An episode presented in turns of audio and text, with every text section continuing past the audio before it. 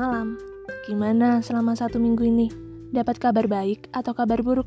Semoga kabar baik ya. Dan yang belum dapat kabar baik, sama-sama berdoa.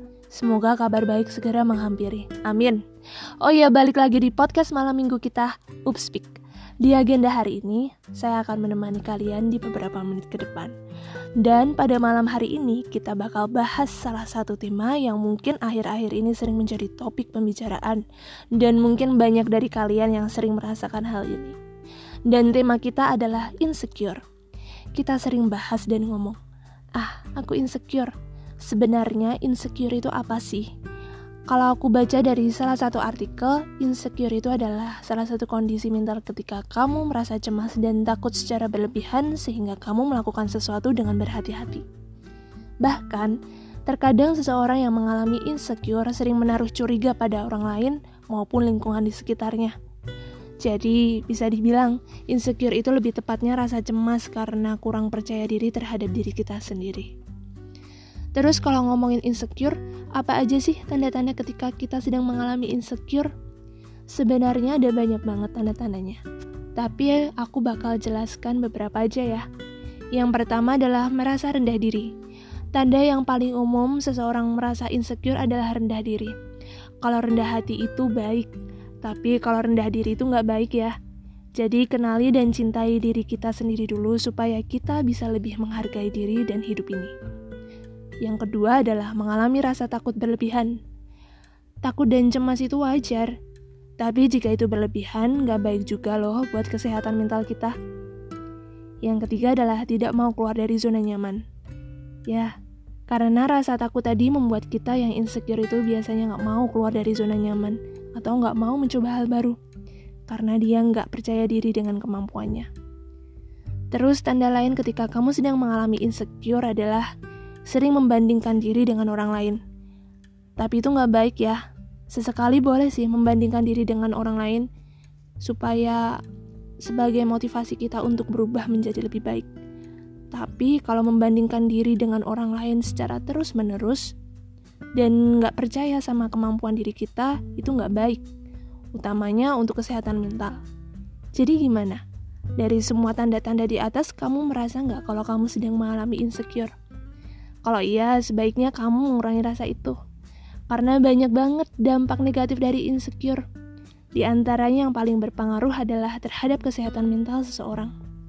Rasa insecure terhadap diri sendiri sepanjang waktu secara berlebihan dapat mempengaruhi setiap aspek kehidupan, mulai dari kesehatan fisik, emosional, hingga pekerjaan.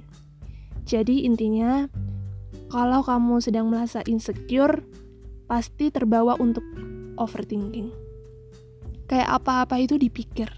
Padahal cuma hal-hal yang sederhana. Dan parahnya lagi, kalau insecure itu udah berlebihan. Karena kalau udah overthinking itu kan biasanya malam hari ya. Terus bakal mengganggu pola tidur kita. Nah, pola tidur yang gak baik itu akan mempengaruhi kondisi tubuh kita. Atau kesehatan fisik kita. Terus nanti jadi sakit. Jadi itulah kenapa insecure itu berdampak pada kesehatan emosional, fisik, dan pekerjaan kita. Terus ngomong-ngomong soal insecure nih ya, insecure yang paling sering terjadi itu insecure dalam hubungan. Pernah nggak sih kalian, buat yang punya pacar aja sih, ngerasa kalau kamu itu kurang pantas dan kurang disayang sama pasangan kalian? Pokoknya cuma karena kamu melihat teman-teman doi yang merasa lebih cakep daripada kamu. Nah, itu adalah salah satu tanda kalau kamu sedang mengalami insecure. Kalau insecure dalam hubungan itu banyak banget penyebabnya. Di antaranya yang pertama adalah perasaan takut mengecewakan. Rasa ini tuh biasanya muncul karena takut kamu tidak bisa jadi yang terbaik atau takut kalau dia nggak bisa nerima kamu apa adanya. Atau mungkin takut untuk ditinggalkan. Nah, namanya aja hubungan. Penting banget buat pasangan untuk saling jujur terhadap pasangannya. Jadi biar tahu apa sih yang sebenarnya nggak disukai, apa yang sebenarnya dia sukai.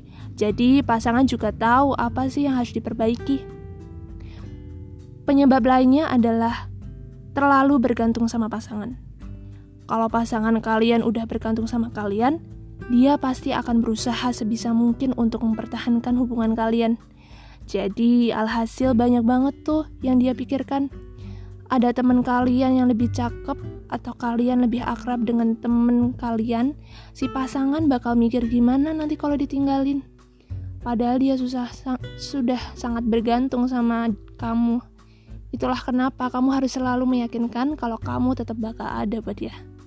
Dan masih banyak lagi penyebab insecure itu. Tapi nggak selamanya ya insecure itu berdampak negatif. Ada juga dampak positif dari insecure. Contohnya adalah memotivasi kita untuk berubah menjadi yang lebih baik.